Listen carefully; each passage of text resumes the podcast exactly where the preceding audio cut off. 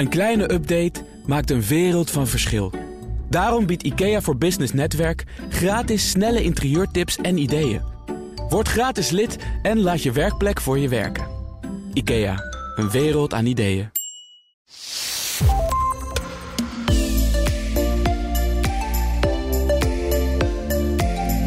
Ongewenst gedrag op de werkvloer komt bij de beste bedrijven voor. Van fysiek geweld tot ongevraagde schoudermassages en flirterige WhatsApp-berichten. De voorbeelden zijn oneindig. Ongewenst gedrag creëert een onveilige werksfeer en kan iemand zelfs in een sociaal isolement brengen. Sinds de MeToo-beweging en de recente media-aandacht heerst er een groter bewustzijn en steeds minder tolerantie voor ongewenst gedrag. Van leidinggevenden wordt verwacht dat voorkomen, aanpakken en daadkrachtig optreden een natuurlijk proces is. Natasja van Schaik, onze gast van vandaag, schreef het boek Het waait niet vanzelf over. En het voorwoord voor dat boek werd geschreven door Mariette Hamer. En zij is de regeringscommissaris seksueel grensoverschrijdend gedrag en seksueel geweld. Een boek dus al meteen met wat statuur. Natasja is docent Behavioral Design en vertrouwenspersoon bij de Hogeschool van Amsterdam. En dit boek reikt de praktische helpende hand aan de leider die zich afvraagt: hoe doe ik dat dan, dat natuurlijke proces? Wat we dus allemaal kennelijk helemaal niet zo natuurlijk doen, want anders zaten we niet in deze situatie. Nou, we gaan het hebben in deze Werkprofessor podcast over wat dan een sociaal veilig klimaat is, wat ongewenst gedrag triggert en versterkt en welke signalen je, als je die merkt, waar je dan op moet reageren en wat dan het beste werkt. Mijn naam is Wendy van Ierschot. Natasja, welkom. Dankjewel Wendy, leuk om hier te zijn. Ja, geweldig dat je hier bent. Je schreef dus het boek Het waait niet vanzelf over handvatten voor daadkrachtig leidinggeven bij ongewenst gedrag. Ik zat laatst in een hele mooie bijeenkomst ook met Erin Meyer. Zij schreef de Culture Map. Ze is een professor aan INSEAD. En zij beschreef ook zo mooi dat uit onderzoek blijkt dat het gemiddelde gedrag wat we gaan vertonen eerder geneigd is om te kopiëren wat juist het gedrag is wat we niet willen. Dus uh, de laagste in ranking. Hè, dus als er onbeschoft gedrag is of ongewenst gedrag is, dat we dat eerder gaan kopiëren dan het goede gedrag. En uh, nou, het lijkt mij fantastisch om er vandaag met jou over te praten hoe we kunnen zorgen dat het ongewenste gedrag stopt. Met als doel om veilige werkplekken te creëren. En wat is voor jou een veilige werkplek? Een veilige werkplek. Jeetje, ik vind het ook wel een ontzettend groot woord. Hè? Een veilige werkplek. Nou ja, ik denk waar ik fysiek veilig ben, daar zou ik misschien wel mee beginnen. Maar als het gaat over sociaal veilig, dan zou ik voor mezelf, en ik denk dat dat ja, wel verschillend is per persoon, maar voor mij zou dat zijn daar waar ik te pas en te onpas mijn ideeën kan geven zonder dat ik denk dat ik om zou worden uitgelachen of omdat ze zomaar van tafel geveegd zouden worden of dat ik daar op wat voor manier dan ook uh, afgerekend wordt. Ik denk dat dat voor mij het belangrijkste zou zijn. En ik denk in de algemene zin dat het iets is, een veilige plek, waar je je beschermd voelt, maar ook daadwerkelijk bent tegen ongewenst gedrag. En voor de een is dat, uh, dat hij zich veilig voelt als hij niet gediscrimineerd wordt.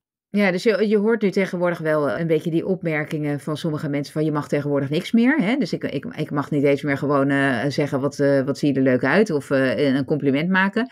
Wat is jouw belangrijkste boodschap eigenlijk in dit boek? Mijn belangrijkste boodschap van het boek is dat we het erover moeten hebben. Dus we zijn niet zo gewend om het over gedrag van elkaar te hebben. En we komen er wel steeds meer achter dat we gedrag een expliciet onderdeel is van zowel ons werkkwaliteit, maar ook van ons werkplezier.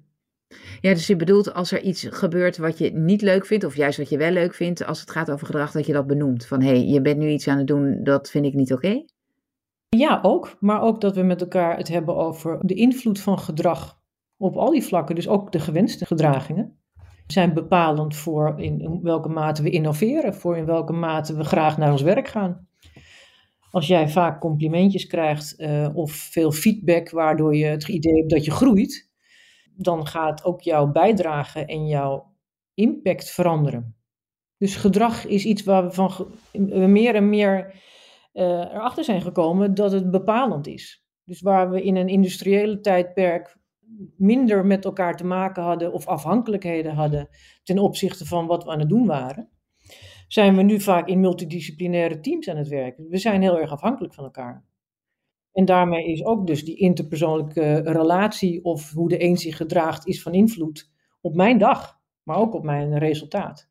Dus gedrag is, is onderdeel van ons werk. En dat expliciet maken, ik denk dat dat mijn hoofdboodschap is van het boek. In het boek, ja, precies. Je beschrijft in deel 4 ook van jouw boek hè, het incident, het gesprek aangaan. In deel 1 schrijf je eerst waar hebben we het eigenlijk over? En dan zeg je het een sociaal veilig klimaat. Wat is dat dan eigenlijk?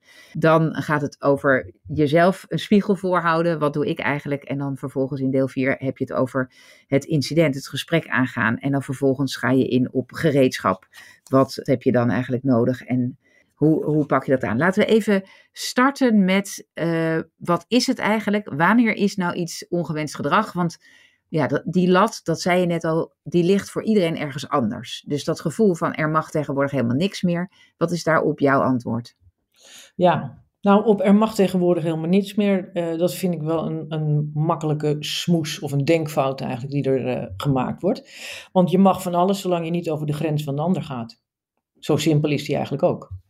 Daarmee bepaalt uh, degene die iets ervaart of zijn of haar grens is overtreden. Ja, en dan zijn we geneigd om te zeggen, ja, je moet gewoon niet zo, uh, uh, dat is gewoon een watje, of je moet niet zo, hoe zeg je dat, pietluttig zijn, of we vinden er wat van. Het is jouw grens, maar daar vind ik wat van. Ja, nou wat je ervan vindt is niet altijd relevant, want je hebt te maken met de waarheid van degene die het ervaart.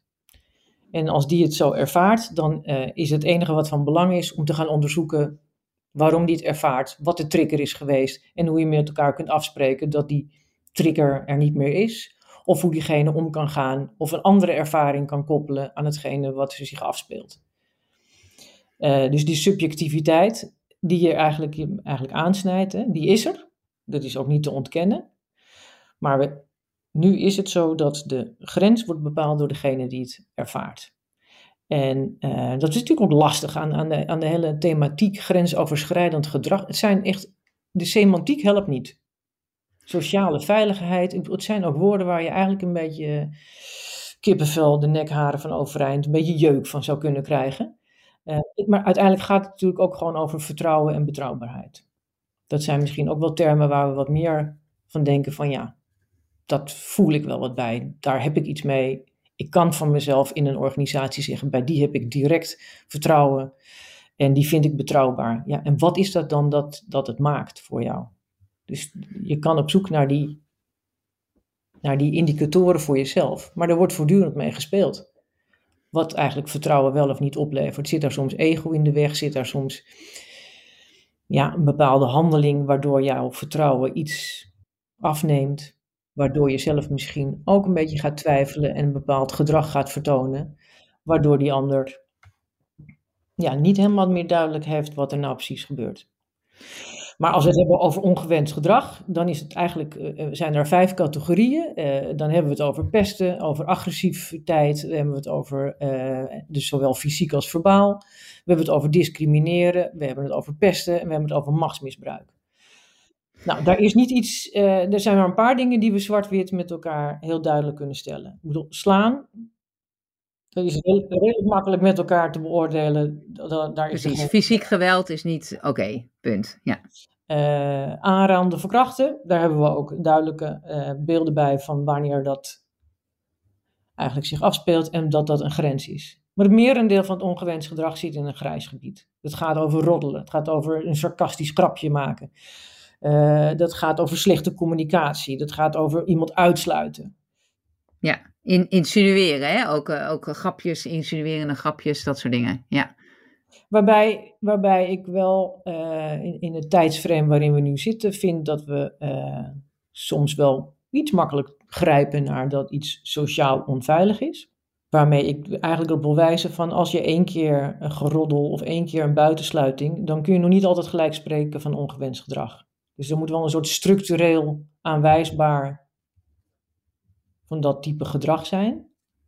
Waarmee dat vaak te maken heeft met dat je dat bij jezelf kan constateren. Dat iets van jouw zelfvertrouwen eh, gemorreld wordt aan jouw identiteit. Dat is meestal niet op basis van één incident, maar op iets van wat langer gaande is. Nou, zeker als je in dat grijze gebied zit, dan zijn dat sluipende processen. Precies, het gebeurt, er, zit, er moet iets structureels aan zitten. Het is niet een keer dat iemand per ongeluk een verkeerde grap maakt, waarvan we allemaal een beetje denken, oh ja, dit is niet helemaal oké. Het gaat over dat je structureel één persoon of een groepje uitsluit van activiteiten of uh, ja, die groep de hele tijd of die persoon de hele tijd te pakken neemt. Ja. dat is wat je zegt. En, uh, en, uh, en ik vind het mooi dat je voordat je die hele specifieke dingen benoemde over wat is nou ongewenst gedrag, dat je daarvoor zei, je kunt het ook omdraaien. Je zou kunnen zeggen, op het moment dat er geen vertrouwen is en weinig betrouwbaarheid, dan weet je eigenlijk ook dat er misschien iets in dat gedrag zit wat we ongewenst zouden kunnen noemen. Ja. Precies. Um, je geeft daar ook een soort formule voor in het boek. Je, je zegt, uh, er, is, er zijn een aantal indicatoren die te maken hebben met een formule voor vertrouwen. Zou je daar iets over kunnen zeggen? Ja.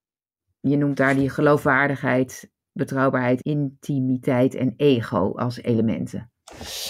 Ja, de, de, de ego is een veel voorkomend, daar hebben we allemaal in zekere zin wel iets mee, eh, mee van doen. Hè? ons statusgevoel, uh, in ons ego, dan ga je toch ook voor het belang van een organisatie. En in hoeverre is dat belang voor de organisatie of voor je eigen imago in relatie tot het belang van degene die op dat moment tegenover je zit? En hoeveel integriteit heb je ten aanzien van die situatie waar je in zit? En hoeveel oprechte intimiteit voel je en weet je ook uit te dragen naar degene die tegenover je zit?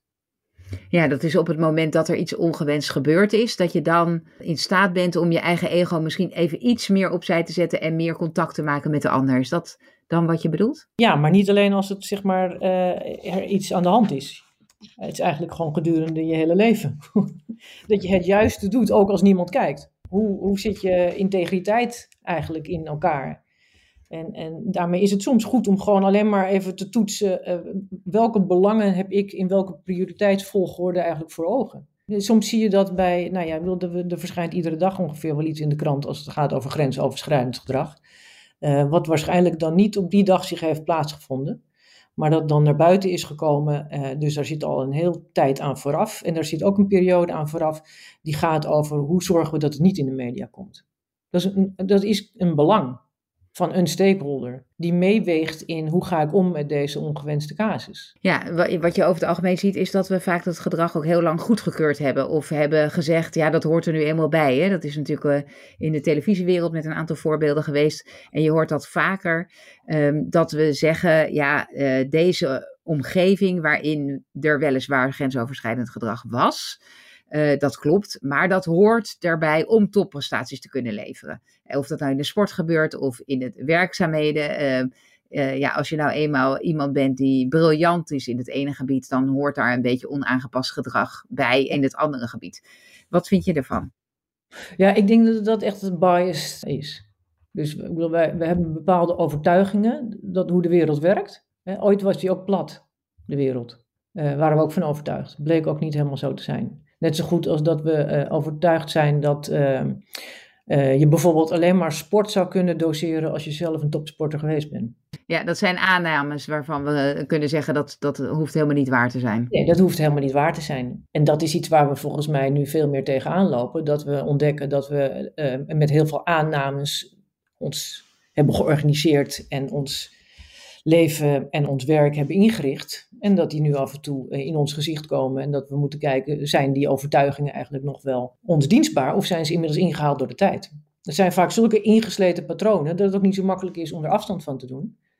Nee, sterker nog, het geeft ons ook soms een soort heldenstatus. Hè? We vinden het ook wel mooi, de stampende manager op de rapporten, als die uh, het ergens niet mee eens is. Dat is ook uh, ons beeld bij, bij wijze van spreken, krachtig leiderschap. Ja, dat is ook waarom we natuurlijk lange tijd gedacht hebben dat het merendeel van het leiderschap bij mannen thuis hoort, omdat vrouwen een veel empathischer zouden zijn en veel zachter en niet in staat zouden zijn om een fusie of een reorganisatie door te kunnen voeren. Ook dat is een overtuiging geweest, waarbij we toch nu ook wel de verschuiving aan het maken zijn dat we zien wat de kwaliteit van een vrouwelijk leiderschap is en in hoeverre dat eigenlijk in combinatie met mannelijk leiderschap een hele goede aanvulling is en soms zelfs een betere voor een bepaalde klus.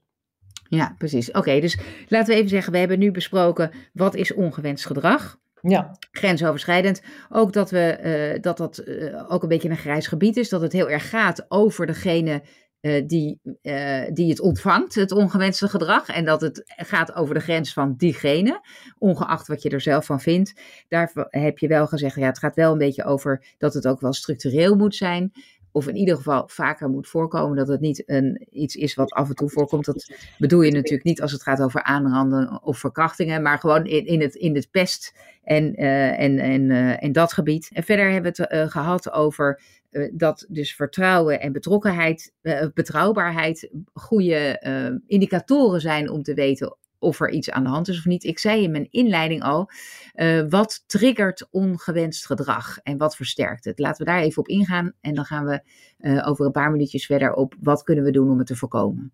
Maar wat triggert het en versterkt het? Wat triggert het? Het triggert eigenlijk vaak het niet gehoord of niet gezien worden. En dan ga je soms ook daar uh, een andere manier van uiting zoeken om alsnog aandacht te krijgen, die niet altijd de meest efficiënt is, die soms ongewend is. Ik bedoel, als het gaat naar de, naar de sabotagelijn, dan zie je dat mensen gaan roddelen, omdat ze eigenlijk iets anders willen zeggen. Ze maken een, een sarcastisch grapje, maar erachter zit een echt, echte boodschap, alleen die wordt niet gehoord. Het is grappig dat je dat zegt, want, want in eerste instantie zou ik denken van nou, ik, de beeld wat ik heb van de van de personen die ongewenst gedrag laten zien, zit ik dus kennelijk met een perceptie in mijn hoofd van meer agressiever gedrag of seksueel overschrijdend. En dat zijn nou juist vaak die uh, jovialere types, die, uh, die dominanter zijn in de, in de ruimte, die weinig ruimte laten veranderen. En dan, dat associeer ik niet meteen met je wordt niet zo gehoord. Maar dat zie jij dus in, in het onderzoek wat je hebt gedaan en in wat je hebt beschreven anders? Ja, nee hoor. Het is niet dat je nou kan zeggen dat ongewenst gedrag vertoond wordt door agressievere mensen. Daar heb ik eigenlijk niet echt een lijn in gevonden, dat de een het meer doet dan uh, de ander. Uh, want dat is wat jij zegt, toch? Ja, nou, jij, dit is in ieder geval een associatie die ik kennelijk heb. Ik, uh, ik wil even voor de luisteraar, wij zitten allebei af en toe in, ons, in het boek te bladeren, dat jullie dat horen. Uh, maar inderdaad, nee, ja, de, mijn associatie zou niet zijn van hey, het zijn juist de mensen die niet gehoord worden, die ander gedrag. Hoewel ik wel bedenk, hey, op het schoolplein of zo, dan denk ik wel, oh ja, die pestkoppen die hebben eigenlijk een ander probleem, bij wijze van spreken. Maar dat zie je dus eigenlijk ook terug in het bedrijfsleven. Dus ofwel je zegt, ze worden niet zo goed gehoord. Of uh, er zit een boodschap onder die ze niet op de een of andere manier op een andere manier naar voren kunnen brengen. Uh, ja, dat is eigenlijk wel wat je ziet. Dus dat is waar in ieder geval het vervelende gedrag ontstaat in, uh, nou ja, ik zal een voorbeeld nemen. Stel nou, je zit in een vergadering en jij hebt een idee. En die breng je ook ter sprake. Niemand luistert er eigenlijk naar. En vervolgens gaat iemand tegenover jou, die zegt vijf minuten later exact hetzelfde idee. En dan gaat iedereen zeggen dat is een ontzettend goed idee. Dan voel je je toch een beetje van, wat gebeurt hier nou? Heb ik dit nou echt wel goed gezien? Dat kan dan stom toeval zijn, maar als dat een aantal keer in een korte tijd gaat gebeuren, dan begin je toch een beetje te twijfelen aan van hoe kan het nou dat ze mij niet horen en de ander wel. En je gaat daar iets over zeggen, het wordt van tafel geveegd, niemand is het opgevallen. Een gegeven moment ga je daar toch een bepaalde frustratie in voelen. En die frustratie die moet eruit. En beide zijn dan eigenlijk op een gegeven moment uh, een bepaald ongewenst gedrag aan het vertonen. Want de een negeert dat jij je idee. En jij gaat op een verkeerde manier uiting geven aan je frustratie. Nou, zo ontstaat er eigenlijk een miscommunicatie. En op een gegeven moment weet je niet meer wie van de twee nou eigenlijk ongewenst gedrag ervaart. Hmm, Oké. En zijn er dan nog andere dingen die ook ongewenst gedrag triggeren? Nou, uh, macht en uh, afhankelijkheid triggert het altijd. Uh, of altijd, dat ligt vaak wel als een bron van ongewenst gedrag. En zeg je daarmee dat iedereen die in een machtspositie zit ongewenst gedrag vertoont? Nee, zeker niet. Maar machthebbers vergeten wel eens dat ze macht hebben en wat de impact is van macht. En, uh, en daarmee zit er een afhankelijkheid vaak in. Waarbij als, als de baas zegt van nou, ik uh, zou graag willen dat je volgende week een keer op tijd komt. dan denk je van, oh jee, nou dan ga je dat echt wel doen. Maar als jouw collega dat zegt, nou ja, dan denk je van, waar bemoei jij je mee? Dus de, de impact van wie iets zegt... Maakt uit. ja, maakt gewoon uit. Precies, en, en, dan, en dan moeten we ons realiseren dat wat we zeggen als bazen, dat dat sneller grensoverschrijdend kan zijn? Ja, want als een baas iets afkapt of in de vergadering het, uh, het onderwerp verandert of iets helemaal van jouw bord afhaalt, dan is die oppositie is die heel in, in zijn recht om dat te doen. En het effect is die niet altijd van op de hoogte wat het heeft. Oké, maar als ik dat hoor, dan denk ik echt van ja, jeetje, maar dat hoort toch gewoon bij leiderschap. Ja, dat, dat is gewoon zoals het gaat in de organisatie. Je moet wel kunnen zeggen van joh, we gaan hier niet mee verder, we gaan daar wel mee verder, toch? Is dat, dat is toch niet meteen grensoverschrijdend gedrag? Nee, dat hoeft het zeker niet te zijn. Uh, maar als, het, uh, als jij degene bent die iedere keer de opdracht niet krijgt, terwijl je denkt van hé, hey, maar wacht even, dit heeft toch wel te maken met vriendjespolitiek, want het gaat altijd naar dezelfde, dan, dan wordt het alweer anders. Dus, dus macht heeft sowieso invloed. En, en je moet het hebben over wie heeft die macht en wat heeft die macht voor invloed op de dynamiek, op de interacties. Omdat die kunnen leiden tot grensoverschrijdend gedrag. Dus roepen dat de deur open staat, ja, dat is heel makkelijk. Maar de, naar de deur instappen naar een baas is toch altijd nog wel even iets moeilijker dan de deur instappen bij de collega. Ja, dat is natuurlijk zo. Dat is zeker zo. Um, zijn er nog andere dingen die ongewenst gedrag triggeren? Dus waardoor je gaat schreeuwen? Ja, werkdruk hè. Werkdruk heeft natuurlijk ook altijd wel een invloed op, op, gewoon op de adrenaline van mensen. Dus dan kunnen ze andere dingen gaan doen. De stress die mensen ervaren. Hoe, hoe, dingen, zijn, hoe dingen zijn georganiseerd. Hoe, hoe transparant de dingen zijn. Als het niet transparant is, dan gaan mensen daar ook uh, op, op, op handelen en, en zich daar vragen bij stellen, uh, daarover speculeren, daarover roddelen. Met name als het gaat over besluitvormingsprocessen. Dus daar waar besluitvormingsprocessen zijn en daar waar de interactie is, is eigenlijk die, die van hoeveel autonomie is er, waar is die, waar, bij wie ligt die, wordt, is alles in, onder controle? Nou, vinden mensen vaak heel vervelend. Oké, ja, dus dat begrijp ik. Dus laten we even dat, dat onderwerp iets uh, loslaten van wat triggert het er precies. Je hebt een aantal voorbeelden gegeven van wanneer iets ongewenst gedrag is. Uh, je hebt ook aangegeven dat het belangrijkste is om het gesprek aan te gaan. Wat zijn signalen waar we op moeten reageren en wat werkt dan het beste in de laatste vijf minuten van deze podcast? Oh, die signalen waar je op moet reageren? Uh -huh dus die signalen kun je dus eigenlijk heel makkelijk herkennen aan, nou ja, het is heel makkelijk als iemand gaat schreeuwen. Want die signalen bedoel je toch? Ja, dus nou ja, ik denk gewoon, het is, jij hebt er een boek over geschreven. Wat, ik zit nu in de auto, ik luister naar jou en ik moet weten, wat kan ik doen met de kennis die jij hebt opgedaan? Uh, waar, waar kan ik op letten? Wat, hoe kan ik zorgen dat in mijn organisatie dit minder voorkomt? Of dat ik uh, dat niet toesta Terwijl ik daar helemaal niet bewust van was. Hè? Dus het, het waait niet vanzelf over. Dan denk ik van, uh, ja, mensen denken van, er wordt krachtige aanpak van mij verwacht als leider. Uh, wanneer moet ik dat gaan doen en wat moet ik dan doen? Ja, nee, ja de, signalen uh, gaat heel veel, zijn, er, zijn er subcultuurtjes in mijn, in mijn organisatie. Zie je, dat zit er al, al in van, zijn het altijd dezelfde die bijvoorbeeld met elkaar gaan lunchen. Dus het gaat over de, ook over diversiteit en inclusie, wat je daar eigenlijk op grote schaal onder ziet. Hè? Wat zijn nou eigenlijk de overtuigingen of de mindset in mijn organisatie? Wat zijn nou echt die overtuigingen als, uh, ja, wij kunnen hier alles zeggen wat we willen? Is dat nou een overtuiging die we hebben, maar is dat dan ook echt zo? Uh, wat zijn nou eigenlijk de, naast de subculturen en de overtuigingen, wat zijn nou de uiterlijke kenmerken die we iedere dag terugkomen in onze gedragingen? Dus is het, is het heel normaal dat we overwerken? Als het heel normaal is dat we altijd overwerken, dan weet je dat het voor die enkeling die misschien niet de ruimte heeft, om wat voor reden dan ook, om over te werken, het best lastig zou kunnen zijn om dat aan te geven. Ja, wat ik er lastig aan vind is die de voorbeelden die je noemt, dat sommige van die voorbeelden hebben te maken met cultuur, maar zou ik niet meteen als grensoverschrijdend gedrag typeren. dus, dus als je dus niet uh, elke dag wil overwerken, is het dan grensoverschrijdend als dat de cultuur is? Ja, nee, maar je vroeg naar de signalen waar je op kan letten, die een voedingsbodem kunnen zijn waar ongewenst gedrag op zou kunnen gaan ontstaan, ontkiemen. Ja, en dan zijn het signalen waarin je zou kunnen kijken op cultuurniveau, op overtuigingsniveau, op, um, Hoe is de organogram ingericht? Is dat zeg maar heel formeel, terwijl we eigenlijk weten dat het informeel volslagen anders werkt?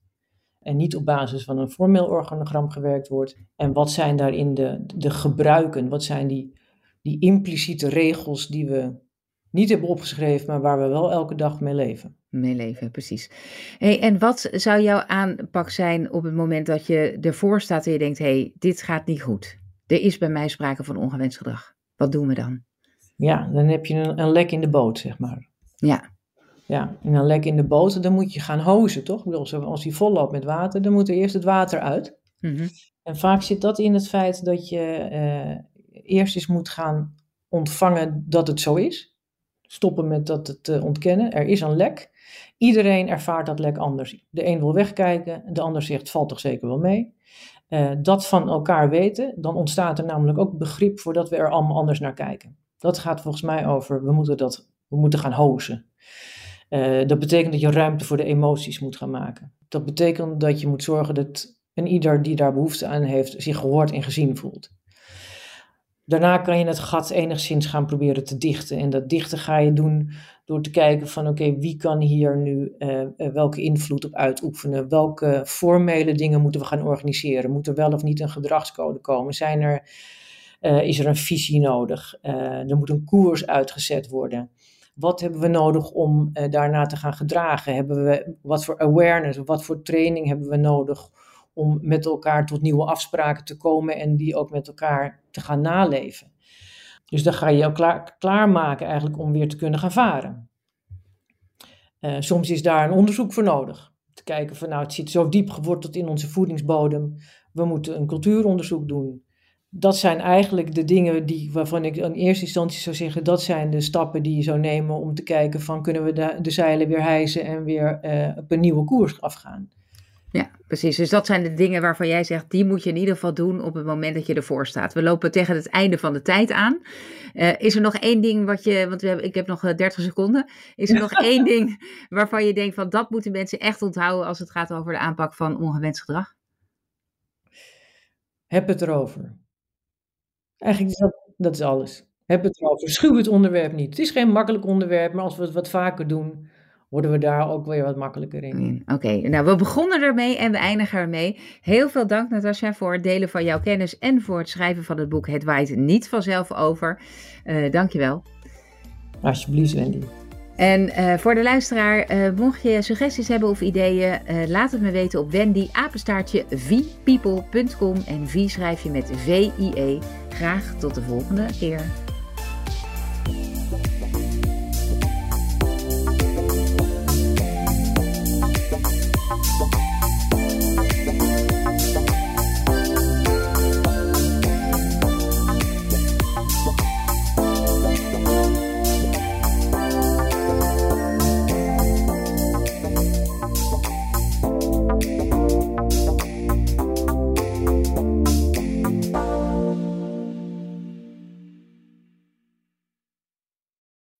Kleine update maakt een wereld van verschil.